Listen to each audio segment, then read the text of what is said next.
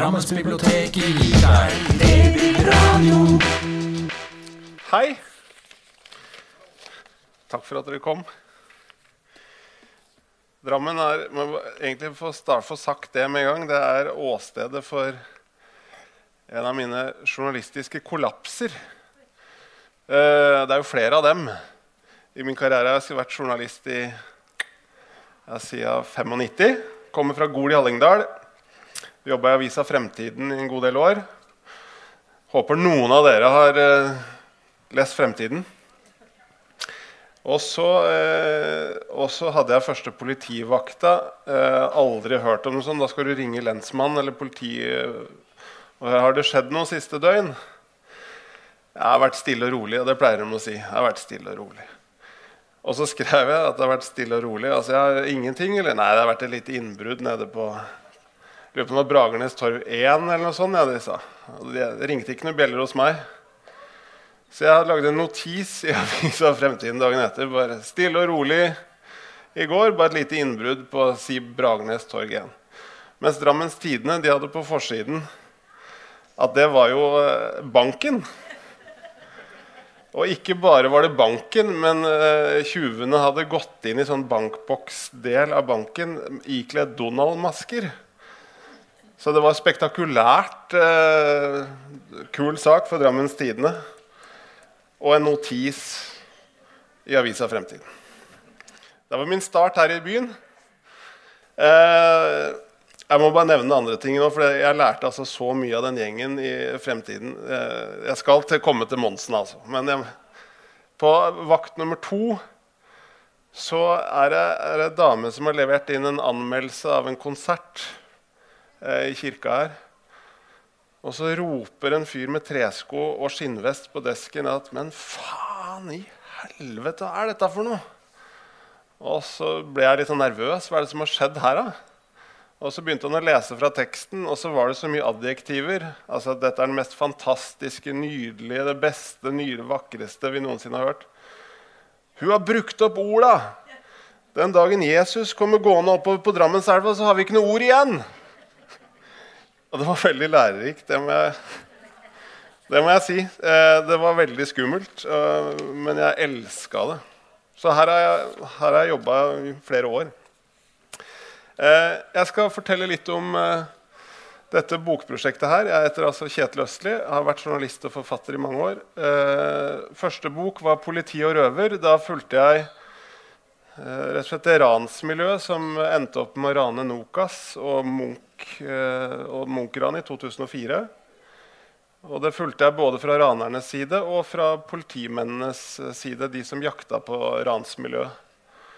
Uh, og Så skrev jeg en bok om Anders Behring Breivik og rettssaken mot ham. Og så ringte Cappelen Dam og så spurte de om jeg ville skrive om han der. Også I tillegg med en advarsel at han er noe av det vanskeligste mennesket han, er, han, er, han er, en hard nøtt, og det, det veit vi. Uh, men han er også veldig god til å fortelle. Vil du lage bok om han? Og så blei jeg litt sånn Spør dere meg om det? Uh, hvorfor skal jeg gjøre det? det er, altså jeg er veldig glad i friluftsliv. Men da hadde jeg vel fått unge nummer tre. Og det, meste, det jeg stort sett dreiv på med, var liksom å ligge på gulvet og leke med Lego. Og jeg var liksom ikke der ute. Og i tillegg så må jeg innrømme at uh, jeg syns han altså jeg, jeg, jeg tenkte, Det første jeg tenkte, var at uh, disse setningene han driver og sier Uh, fy faderen, her var det fint, altså. Ja, her var det også jækla fint. Og så det, også det bålet hans. Altså jeg, det var sånn, Men hva skal jeg skrive om det?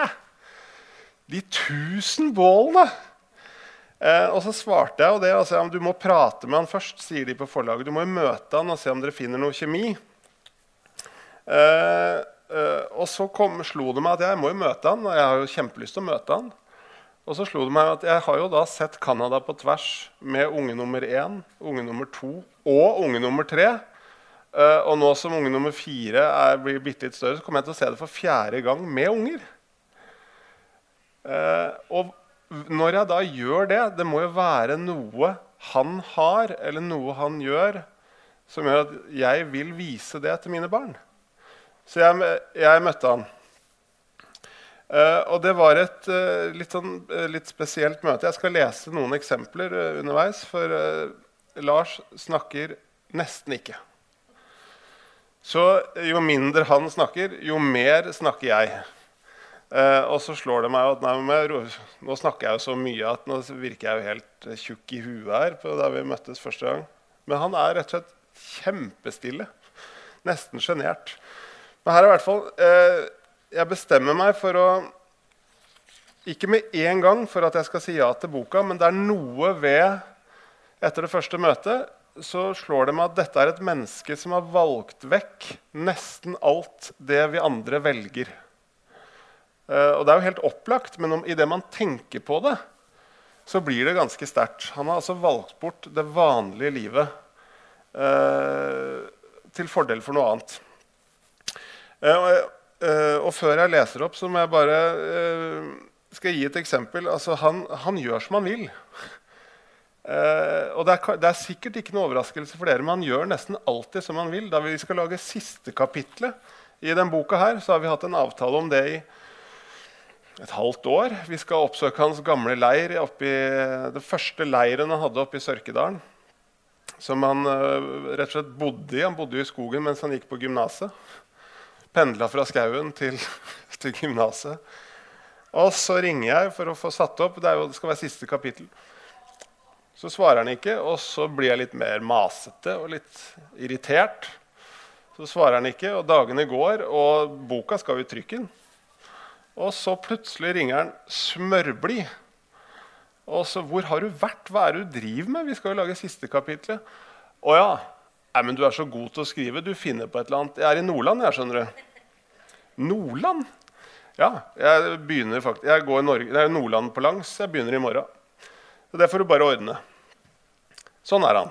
Og det er jo til å bli eh, Altså, man kan bli sjarmert, og man kan bli sprø i perioder. Eh, men igjen, da må man vri på det. Eh, det i seg selv er interessant. Hvorfor blir han sånn?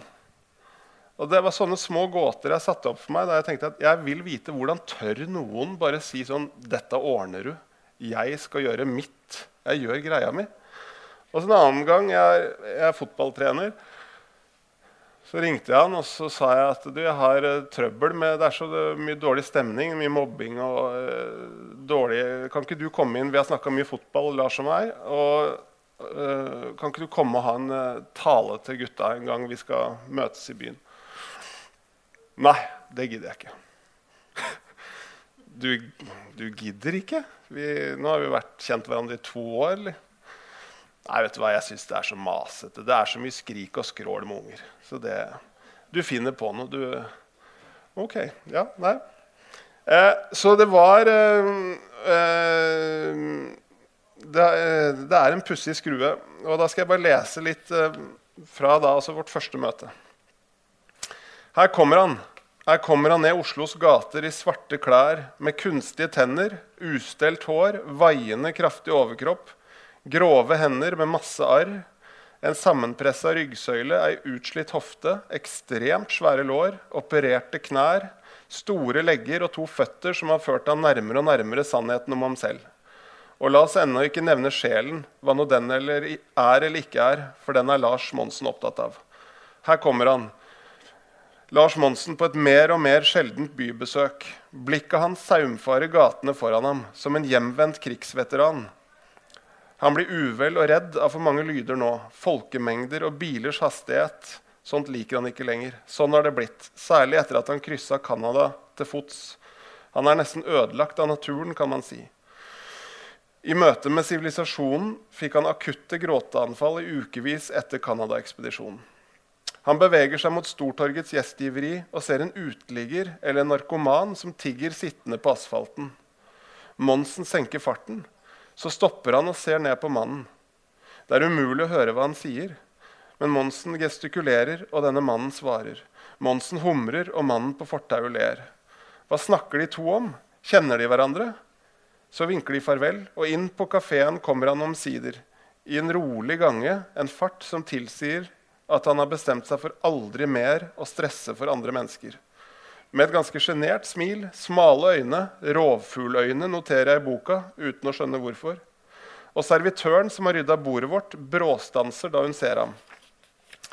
Hun mister brettet fylt med kopper, asjetter og glass i gulvet. Det knuses, alt knuser, det klirrer og knaser. En kakafoni av glasskår i kafeen. Monsen smiler bare til henne.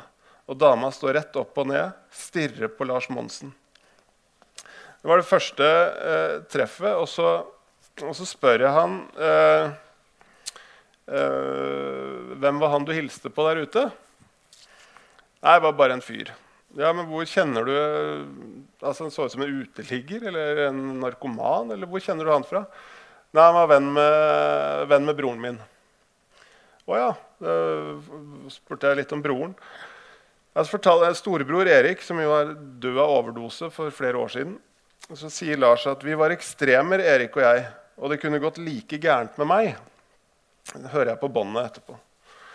Uh, og så spurte jeg hvorfor har du klart deg, og ikke storebroren din. Uh, da satte han fra seg kaffekoppen og bare så på meg. Så sa han én en eneste ting. Jeg hadde noe i livet som hanka meg inn. Uh, og dette virker jo opplagt på virker opplagt, Men det er litt sterkt å høre han si det. Så, så vi avtalte der og da at vi, lager, vi prøver å lage en bok sammen. Eh, og så slo det meg også at han var faktisk en forlengelse av alle de skurkene og ranerne og politispanerne som jeg hadde vært med under politi- og røverarbeidet på tidlig 2000-tall. Eh, for også de lever jo helt på utsiden av våre liv. Helt, eh, helt radikalt annerledes liv enn oss. De har på en måte tatt farvel med A4-livet. Litt som Lars har gjort. Så jeg så på det som en slags forlengelse. da. Og jeg lurte også på hva det koster å leve sånne liv. Eh, så det må være Jeg kan jo få sagt det da med Hvordan er det å være på, på tur med han? Det, jeg må innrømme at jeg var litt nervøs. Det, på, det, er liksom sånn, det er litt som sånn, du skal drive og trikse ved siden av Lionel Messi eller eh, eller ta frispark ved siden av Ødegaard. Det er liksom, det er, du får prestasjonsangst. Da. Jeg kan jo disse tingene. Jeg kan fyre bål, jeg kan det meste. Men det gikk. Det var veldig rart. Eh, så drar vi opp til Beiarn, der en fraflytta gård, der han skal tilbringe siste delen av livet sitt. Det er der besteforeldrene hans kommer fra. Selvfølgelig er stedet fraflytta. Bygda er fraflytta. Det er nesten ikke folk der. Perfekt for Lars. Der skal vi fiske sammen. Uh, og jeg noterer dette i teltet etterpå. Det gikk nesten rett inn i boka uh, uten redigering. Vi er aleine på fjorden.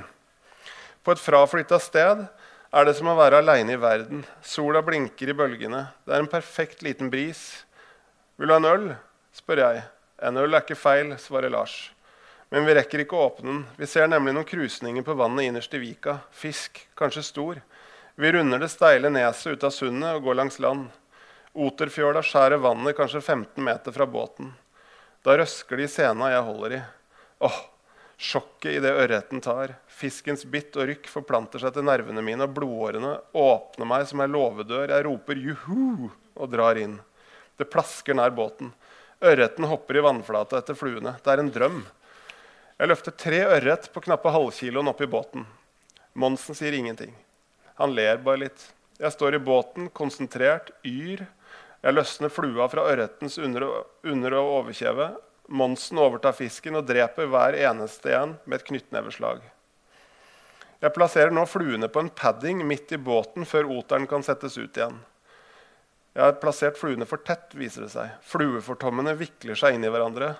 Et par fester seg i buksa mi, og i selen på redningsvesten. Monsen ser på meg. Jeg ser at han er oppgitt. Jeg prøver å late som ingenting. Man har alltid to valg når alt blir, går i ball. Du kan være skamløst åpen om feila du gjør, sånn at ingen andre kan bruke det mot deg. Eller du kan late som ingenting. Og Jeg fikler hektisk med fluene som sitter fast, men med voldsom hurtighet for å liksom late som at rotet var en helt unormal glipp fra meg som regnskyll fra blå himmel, for nå skal Lars få se mine styrker. Jeg setter oteren på vannet igjen. Monsen starter båtmotoren. Sena dras ut, og med dem fluene jeg ennå ikke har løsna fra paddingen. Store kroker med sylskarpe skarpe mottaker fyker mellom fingrene mine over båtripa. Jeg vil ikke ha dem i hånda eller øyet. Panisk lugger jeg etter oteren for å få den tilbake og gjør det hele på nytt for å få kontroll. Jeg banner mer enn jeg liker, igjen for å antyde at jeg egentlig kan det her.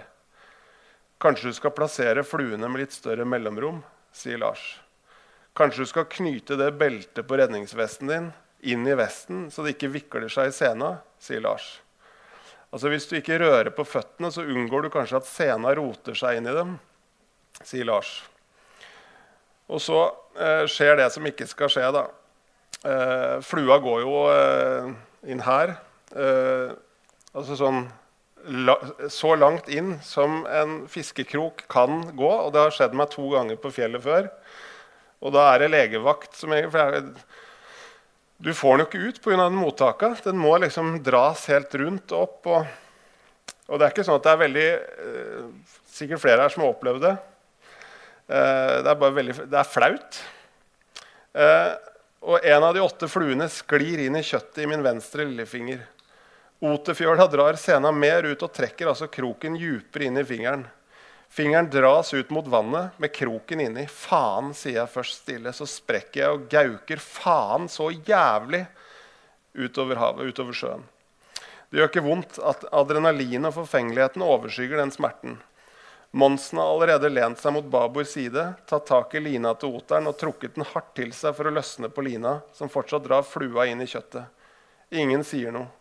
Jeg får ikke ut flua. Mottaket har hekta seg fast inni der. Nei, dette skjer ikke, tenker jeg. Dette gidder jeg ikke.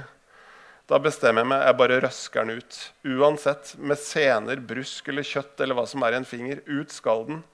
Og jeg står der og svaier og drar det ut. Plopp. Ut. Og et mørkt, mørkt hull i undersiden av fingeren. Og sorry, presterer jeg å si til han. Slapp av, vi tar en øl, sier Lars. Eh, dette var min første tur.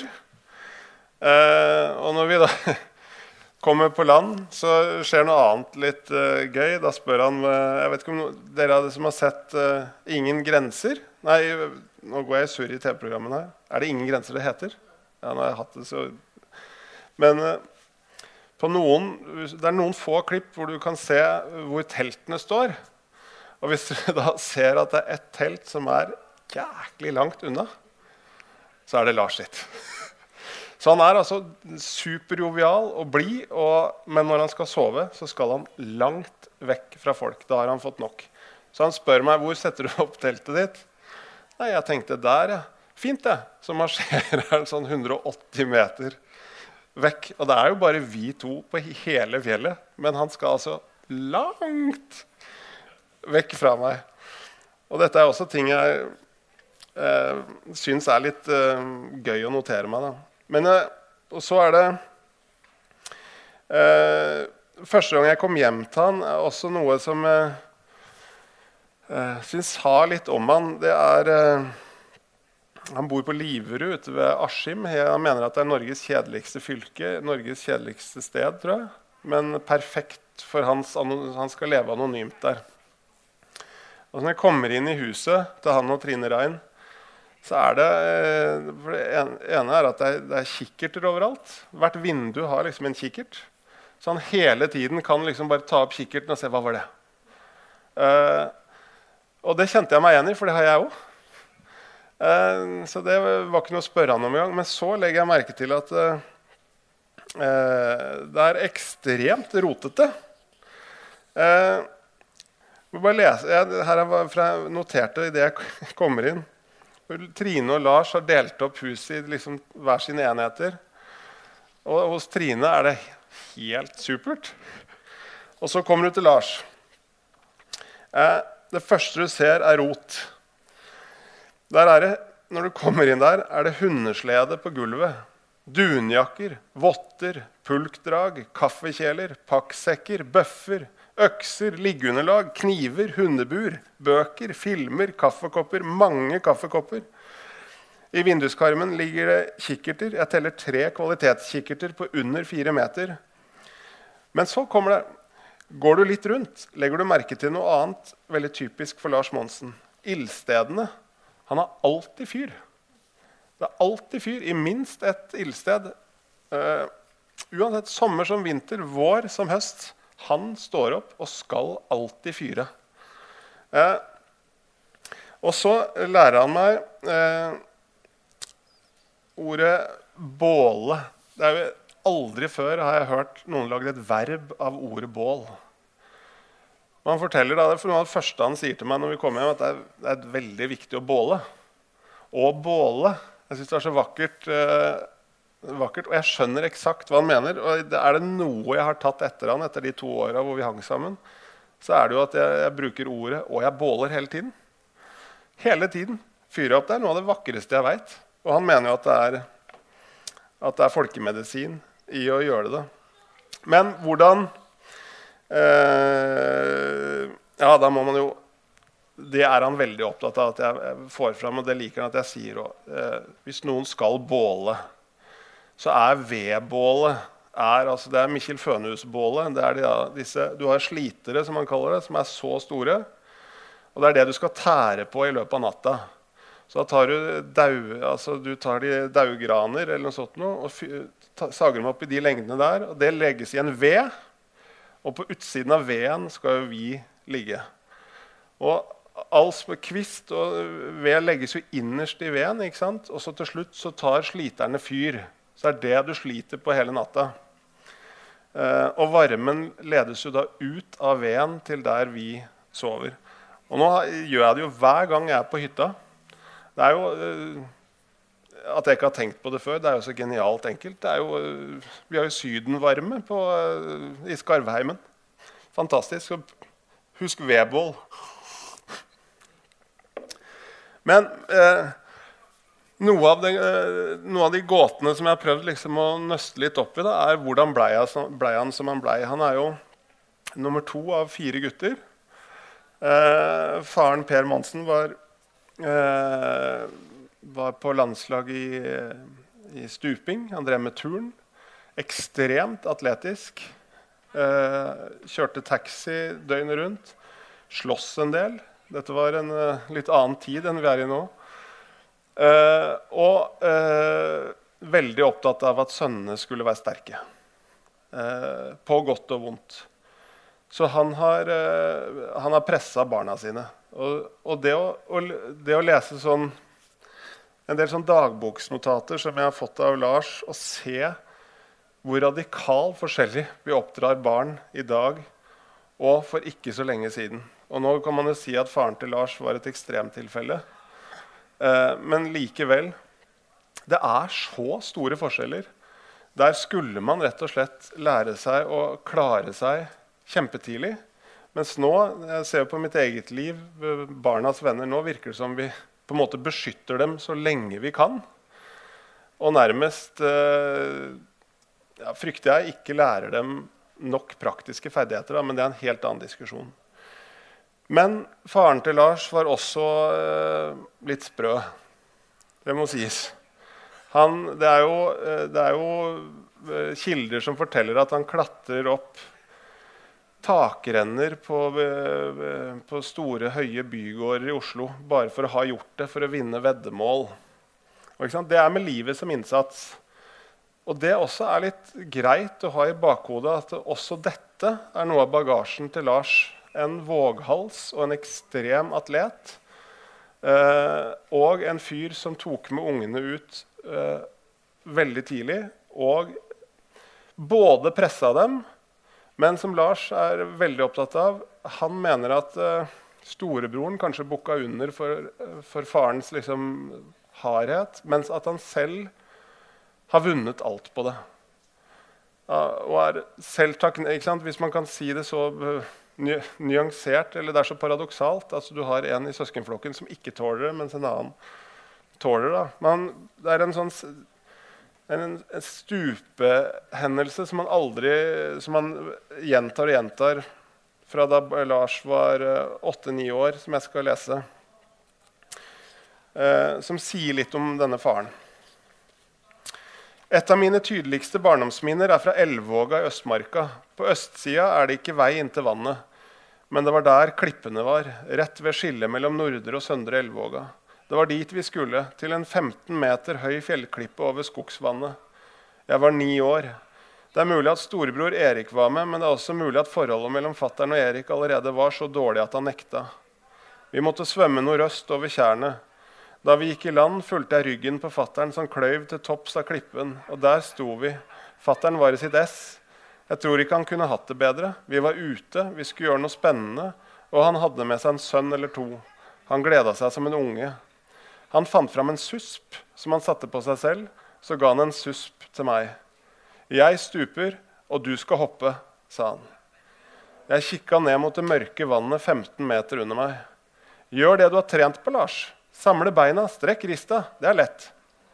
Han så at jeg grua meg, og rett før han tok sats, så sa han, 'Hopp hvis du vil, ikke følg press.' Så stupte han. Jeg ble stående og se ham sveve. Jeg husker noen sekunder seinere at han lå i vannet der nede og venta på meg. Men jeg ble stående. Jeg turte ikke. Jeg sto bare der og kikka ned. Pappa svømte i land og klatra til topps av klippen, våt i håret. og Jeg husker at han lo. Det er helt i orden at du ikke tør, Lars. Han var ikke macho på sånt. Men han inspirerte meg til å tørre. Men han pressa meg ikke. Jeg starta jo ikke med å hoppe fra 15-meteren. Jeg har gått gradene. Og folk må gjerne mene at jeg er macho og sånn tull. Det er jeg ikke. Jeg bare lærte opp til å gå gradene og være veldig nøye med forberedelsene. Det er lov å gå ned igjen, Lars. Det er helt ok, sa fattern på toppen av klippen. Og så stupte han en gang til. Og da hoppa jeg. Jeg aner ikke om jeg hadde samla bein og strak rist, men jeg fløy gjennom lufta og ned i djupet. Og da jeg kom opp igjen, så jeg ansiktet hans. Faren min strålte. Han lo så høyt at han fikk vann i lungene og nesten drukna i sin egen lykke. Sånn var uh, også far Monsen. Og, dette, uh, dette, er en sånn historie som man kan lese på forskjellige måter. Noen blir litt sånn, uh, syns det er for mye og for tidlig at en ung gutt skal holde på med det. Andre syns det er dødskult. Det får være opp til selv. Men en annen scene som jeg også har tatt med i boka, den er jo en litt hardere kaliber. Da gir jo far Monsen boksehansker til sønnene til jul. Så setter han seg i stresslesen og så sier han boks. Og det er en hardere variant. Da står, ikke sant, det kan, være, det kan være gøy, det, men jeg veit på mine egne barn at det hva det ender med, det ender med at uh, alle griner. Og det gjorde det her òg.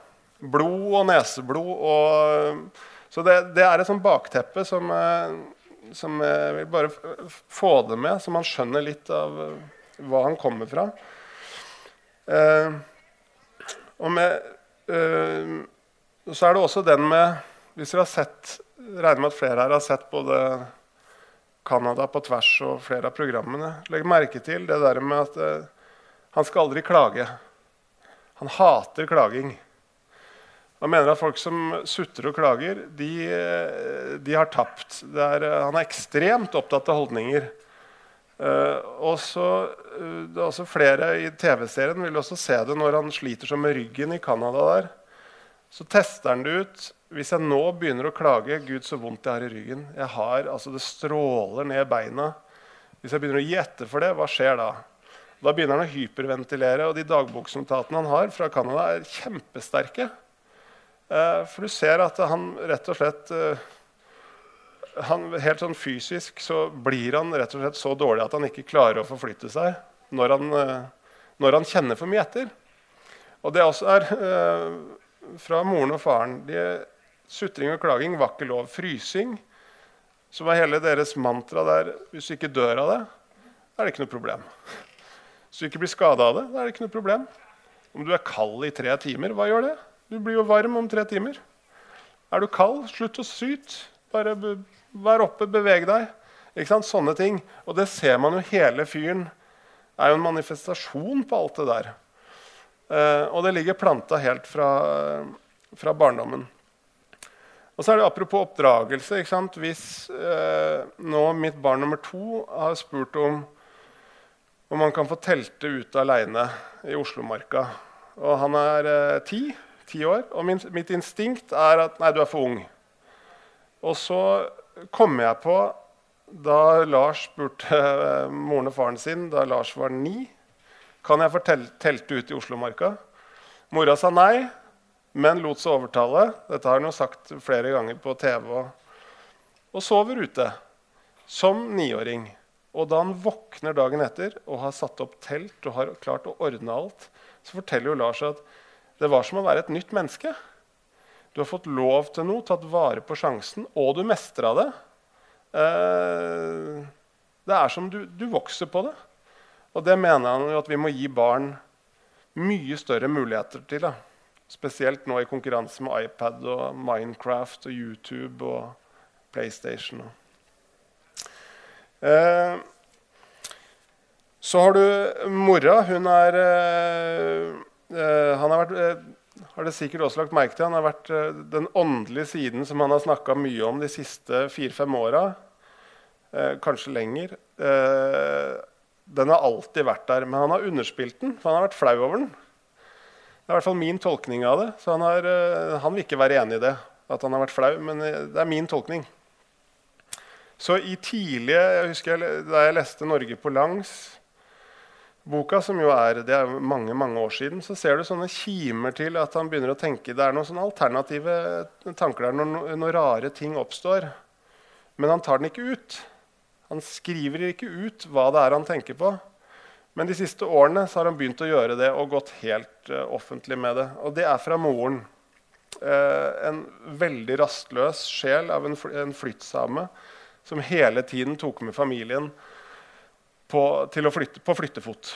De flytta og flytta og flytta og flytta. Så når Lars nå sier at jeg, har ikke, jeg, har jo ikke, røtter Altså, jeg har ikke røtter i et hus. Så er det ikke bare en sånn floskel. Det er jo helt fullstendig sant. Han har jo bodd på 15 adresser før han var 15 år. Fordi mora øh, alltid ville et takk videre.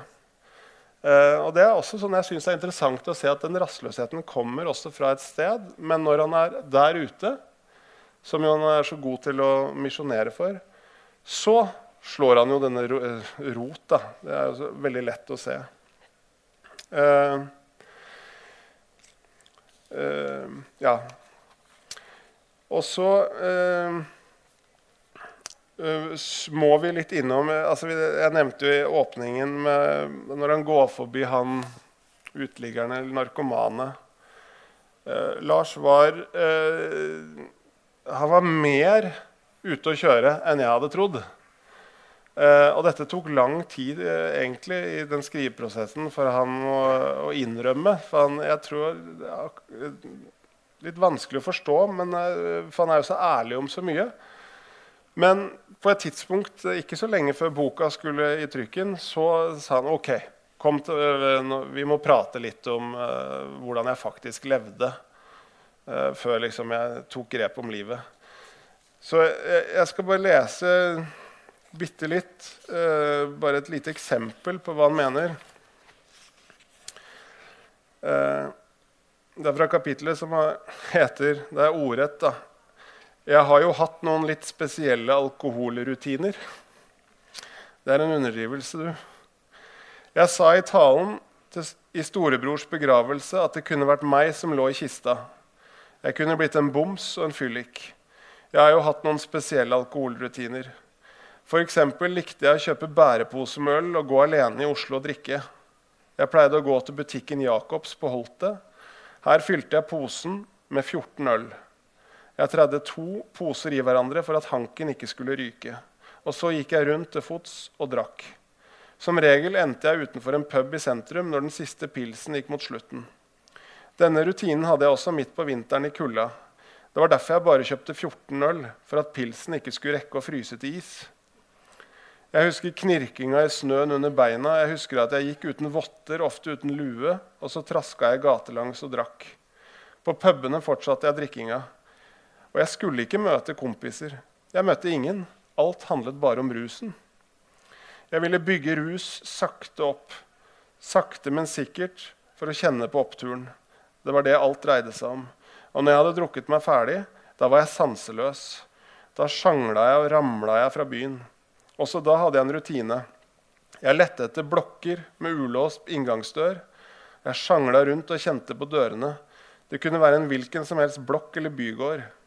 Var døra åpen, gikk jeg til topps i blokka og samla dørmatter. Jo flere etasjer, desto flere dørmatter. For disse la jeg under trappa i kjelleren. som et liggeunderlag. Og så la jeg meg oppå, og så sovna jeg.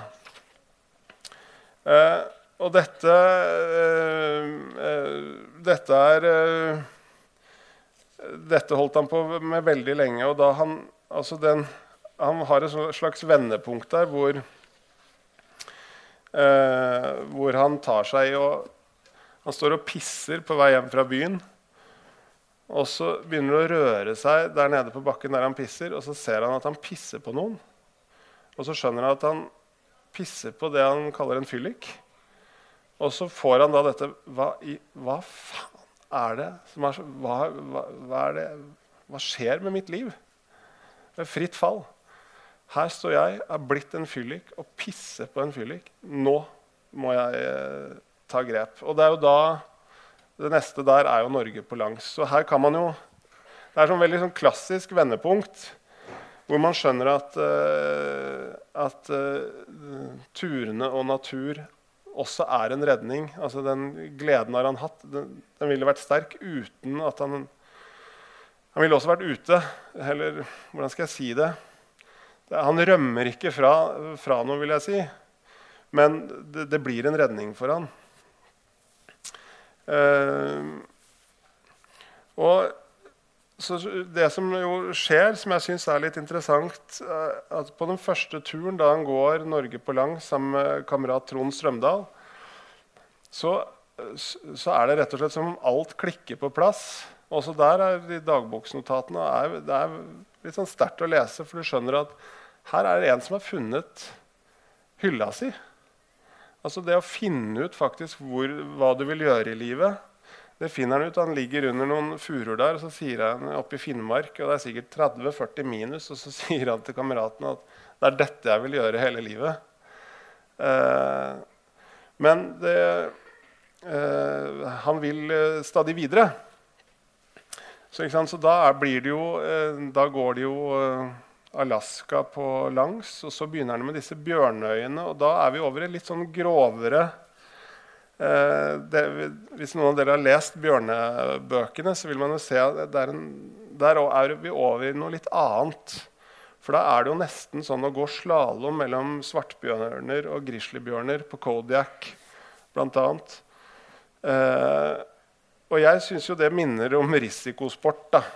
Eh, men da, da, mener han at han Og da får man være enig eller uenig, men at det faren lærte med at du hele tiden skal bygge opp en ekspertise, sånn sakte, men sikkert, eh, gjør at det ikke er så farlig som vi tror. Eh, jeg har prøvd å protestere mange ganger. Det er risikosport å gå krysse Kodiak. Det er den mest bjørnetette øya i hele verden. Men der er den steil. Nei, det er for andre kanskje, men eh, ikke Han er uenig. Han mener at han, er, han hadde kontroll. Mm. Og så er det jo eh, noe jeg har bora en del i. Altså, dette er jo en fyr som med en alder av ja, var det, 13 som begynte å feire jul ute aleine. Og det er jo også en, en, uvanlig ting. Jeg lurer på Hvis dattera mi, som er 13 nå, sier at du, jeg skal opp eh, skal ligge ved Katnosa i denne jula her. Så eh, vi ses første nyttårsdag. Men det gjorde han. Men det her, og her kommer det virkelig spesielle. Han har da planlagt denne julefeiringen ute. Så lille julaften så har han satt en sekk, eh, gjemt en sekk unna som skal vare i sju, åtte, ni dager, med mat og alt. Stikker ut av huset, og rett før han da eh, slamrer igjen døra, så roper han til mora si Uh, 'Mamma, jeg, jeg, stikker på skauen i jula. Vi ses uh, første nyttårsdag.' Så begynner hun å rope og smelle, og da smeller han igjen døra. Og så drar han. Og tenk dere i dag uh, Det er jo helt umulig å se for seg. Altså, det er nesten som du tror det er på 1800-tallet eller 1400-tallet. eller noe sånt, Men det er, jo, det er, jo, Oslo for ganske få år siden. Ville jo, folk ville jo dratt etter dette liksom, barnet. Og når jeg igjen presser litt på med der, da mener jeg også at ja, det her, du må huske at jeg har da sov jeg ute aleine fra jeg var ni. Jeg har vært uh, fyra vedbål siden jeg var liksom så stor. Jeg, Jeg kunne det. De var ikke så redde. Faren min var ikke redd. Eh, så det som for meg ofte fortoner seg som galskap, mener han er en sånn sakte evolusjon. Altså at uh, Man må bare se på det som, man, som om man har gått gradene. Uh, og så syns jeg eh, Jeg syns også det er veldig spennende med når han er i Canada. Det som skjer der, der blir han jo Da forandrer han seg jo veldig, den, veldig å komme hjem etter det var, eh, det sier jo de som kjenner han, at han var ganske forandra etter det. Du har vært tre år borte, du er, og du er nesten aleine hele tiden. Det er etapper som er på 40-50 dager. Eh, det å komme tilbake eh, Så Disse gråtetoktene han får eller liksom, Ta forlaget, da, de som eh, ga meg oppdraget å skrive boka. Da han kom til forlaget for, rett etter å ha kommet hjem fra Canada, så var han jo som et sånn skremt dyr gikk inntil husveggene. Hata å være der. Eh, tilbake i byen. Eh, for det, er jo opplagt at du jo, må jo bli veldig forandra av det faktum at du rett og slett er ute da, eh, så lenge over tid. Men det som er clouet for han, er, er nesten litt sånn Det blir vanskelig å snakke om, men det der gleden ved å være et dyr være ikke bare blant dyra og ute under åpen himmel og det friluftslivet som er så fint, og bål. Og, men være et dyr Det å begynne å ha vært ute så lenge at du skjønner at når vinden kommer sånn, så betyr det det. Her må jeg ferdes sånn i terrenget hvis jeg går det bekkeleiet som jeg passer på. Altså rett og slett begynne å få dyrenes instinkter igjen. da. Eh, og det er ekstremt viktig for han, og det har han aldri helt klart å skrive om. For det er sånn, Å skrive sånne setninger det blir liksom ofte litt tungt på labben, men det er ekstremt viktig for han. Og Derfor ble returen til Norge eller til byen igjen etter liksom å ha klart å være, liksom vandre som et dyr da, over Canada, såpass hard, eh, tror jeg, eh, for han. Eh, og så ble det jo som det sterkeste narkotikaen jeg tipper han noen gang har tatt. Altså, Mye vil ha mer, så med en gang han kommer hjem, så det første han tenker, er bare Når kan jeg dra ut igjen? Jeg må få tjent penger, sånn at jeg bare kan komme rett ut igjen. Eh, så denne vanen Det blir jo som en, en vane som styrkes, da. Og så eh, eh, Jeg må bare lese noe litt om kroppen hans. for at det, nå når vi går mot Skal gå inn for landing, også, men uh, jeg syns uh, når, når, du ser på han og alle disse arrene og det, han, det er så, Kroppen vi har, er som en sånn kurikulum vi tar liksom, som du sender til arbeidsgiver i håp om å få en jobb. Så jeg har bedt han om å liksom, vurdere, snakke litt om kroppen sin, da, som han syntes først var veldig rart. Arret på nesa det husker jeg ikke hvor jeg fikk. Det kan stamme fra da jeg som femåring tok rennafart og kasta meg gjennom ei knust glassdør. Vi stupte inn og ut av det hølet. Jeg bommet så klart og traff kanten av glass og kutta opp hovedpulsåra i håndleddet, og arren er der ennå. Blodet spruta ut. Mutter'n var jo panisk. Hun kjørte meg i høy og hast til legevakta. Jeg holdt faktisk på å dø av blodtapet. Arret på nesa, ja, ja, det kan komme derfra. Men jeg er ikke sikker. Det har vært så mange sånne episoder. Jeg ser som du vet, på kroppen som, rett, som, et redskap, ikke en tempel. Kroppen er som en bruktbil, og den skal brukes til den går i stykker. Det er som friluftsutstyr. Men der har du meg. Jeg veit andre liker seg best i sofaen. Jeg liker sofaen også, men jeg bare unner flere gleden av å forvandle kroppen til en maskin.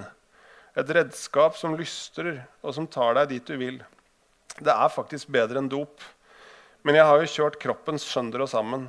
Jeg har båret kano og sekker på 50 kg. Jeg har pressa saften ut av legemet. Har jeg vondt? Jeg har masse vondt. Jeg reiser aldri noe sted uten smertestillende. Angrer jeg på at jeg har slitt ut kroppsdeler? Nei. Jeg er stolt. Jeg ville gjort det igjen. Uh, ja, der, Der har du på en måte en mentalitet da, som jo er uh, også litt sånn interessant å reflektere over i, i vår tid, hvor kroppen nærmest mer og mer ses på som et tempel, sånn om det er yoga eller du skal spise den maten eller den dietten. Her har du en som bare rett og slett vil bare bruke den og bruke den og bruke den og se på den som en sånn maskin. da. Uh, og selv om det har disse omkostningene. Og så er det Hva er det han vil lære, hva er det han vil lære oss? Uh, uh, det ene er jo helt basic. Altså han, han snakker jo Uh, han snakker jo veldig lite om naturvern og sånne ting. Han har gjort det mer nå. Med, Vi står jo overfor sant, elver som, som, demmes opp én etter én etter én. Uh, nå skal vi ha vindkraft som skal forsyne Tyskland med ren energi. Som skal gå over Finnmarksvidda og i samene rundt geisene til samene. Uh, mer og mer urørt terreng er jo ikke lenger urørt. Det er Eh, temmet og kontrollert av oss. Så det har han tatt Det nevner han, det, tør, det snakker han offentlig om. Eh, men han nesten, går nesten aldri inn i naturverndebatter. Og i vår tid, når vi eh, utrydder dyr og, og arter i et forrykende tempo, så er det jo nesten litt rart. Men han, er, han, har vært ekstremt nøye på det. At hans misjon er å ikke preke. Han vil bare lære flere og flere og inspirere flere og flere til å komme seg ut og mestre. Ikke bare komme seg ut, men å mestre det livet der ute.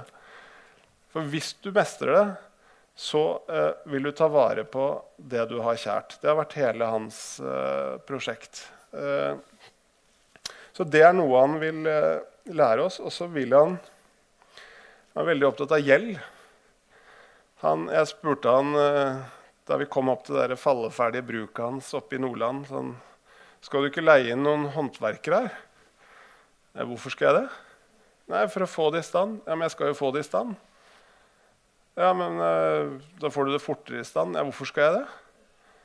Jeg har tid. Ja, men da kan du ha det klart til sommeren, liksom. Sånn. Yes, det driter jo jeg i. Uh, og så vil jeg ikke ha gjeld. Og han er så opptatt av folk, at folk setter seg i så dyp gjeld. Setter du deg i dyp gjeld, så må du jo jobbe, som han sier. Dere må jo jobbe hele tida. Hvis dere hadde tatt litt mindre gjeld, så kunne dere jobbet litt mindre. Det er jo så opplagt. Prøvd å fortelle det til vennene mine igjen og igjen, og ingen hører. Så der har jeg følt eh, Der har jeg prøvd å lære litt. Og så vil han jo eh, skrelle ned Han syns jo så mye altså Han er jo en moderne fyr, han òg. Han går med sin eh, sikkert iPhone. Og, eh, men han mener at så mye av det er Hvis man virkelig setter seg ned og tenker over det, så mener han at det er så unødvendig. Det er ikke Kjernen til glede ligger veldig sjelden der. De dippedittene og de tingene. Uh, og Da må vi tilbake til bålet. for Han er jo så opptatt av at hvis du faktisk bare fyrer et bål og stirrer inn i de flammene, så mener han at alle blir blide. Alle blir rolige. Og hvis du f.eks. går Han er jo veldig glad i å gå. Når da kvelden kommer, så sovner man jo lettere og har det bedre med seg sjøl. Så han mener at det er jo så mye rare ting vi gjør for å på en måte bli lykkelige eller leve sunt. eller sånt, Når det eneste du trenger å gjøre, er å ta på deg et par sko og fyre. da. Eh, og så er han eh, Så syns han eh, at det er veldig lite eh, At den praktiske kunnskapen om rett og slett hvordan te seg i naturen er, eh, er i ferd med å forsvinne. Det er han veldig redd for. Og det er nesten sånn fra Mikkjel Fønhus og opp i tid. altså hvis du det hjelper ikke å ha en Gore-Tex-jakke til 4500 kroner hvis du liksom ikke vet hvordan du skal få mat eller få varme. Eh, så veldig mye av det han holder på med, er eh, rett og slett å, å vekke til live gamle tradisjoner. Han er rett og slett eh, ser på seg som en sånn tradisjonsbærer. da, Som vil at ting ikke skal gå i glemmeboka. Så det er derfor når han i bok etter bok så snakker han jo bare om de de gamle folka som levde på skauen. Som ikke er noe sånn oppsiktsvekkende spennende. eller noe sånt, så jeg liksom synes, Hvorfor snakker du så mye om dem? Så det er jo de som har de, den kunnskapen som er i ferd med å gå ut. Eh, og det er på en måte det han prøver å motvirke. da. Eh, og det å ta vare på planeten ved å Hvis du er der ute, så vil du ikke, du vil ikke ødelegge det du har kjært. Eh, så eh, eh, jeg, ble, jeg, følte at jeg ble Jeg brukte, tok et par år av livet mitt. Jeg følte at jeg ble mye, jeg ble mye klokere på, på han som person. Eh, men noe av det jeg likte best, er altså det virkelig å høre hans filosofi om denne enkelheten i livet. Da. Det er å skrelle ting ned til en slags essens. Da. For å rett og slett uh, Fordi der ofte ligger Ja, de gledene er ofte enkle.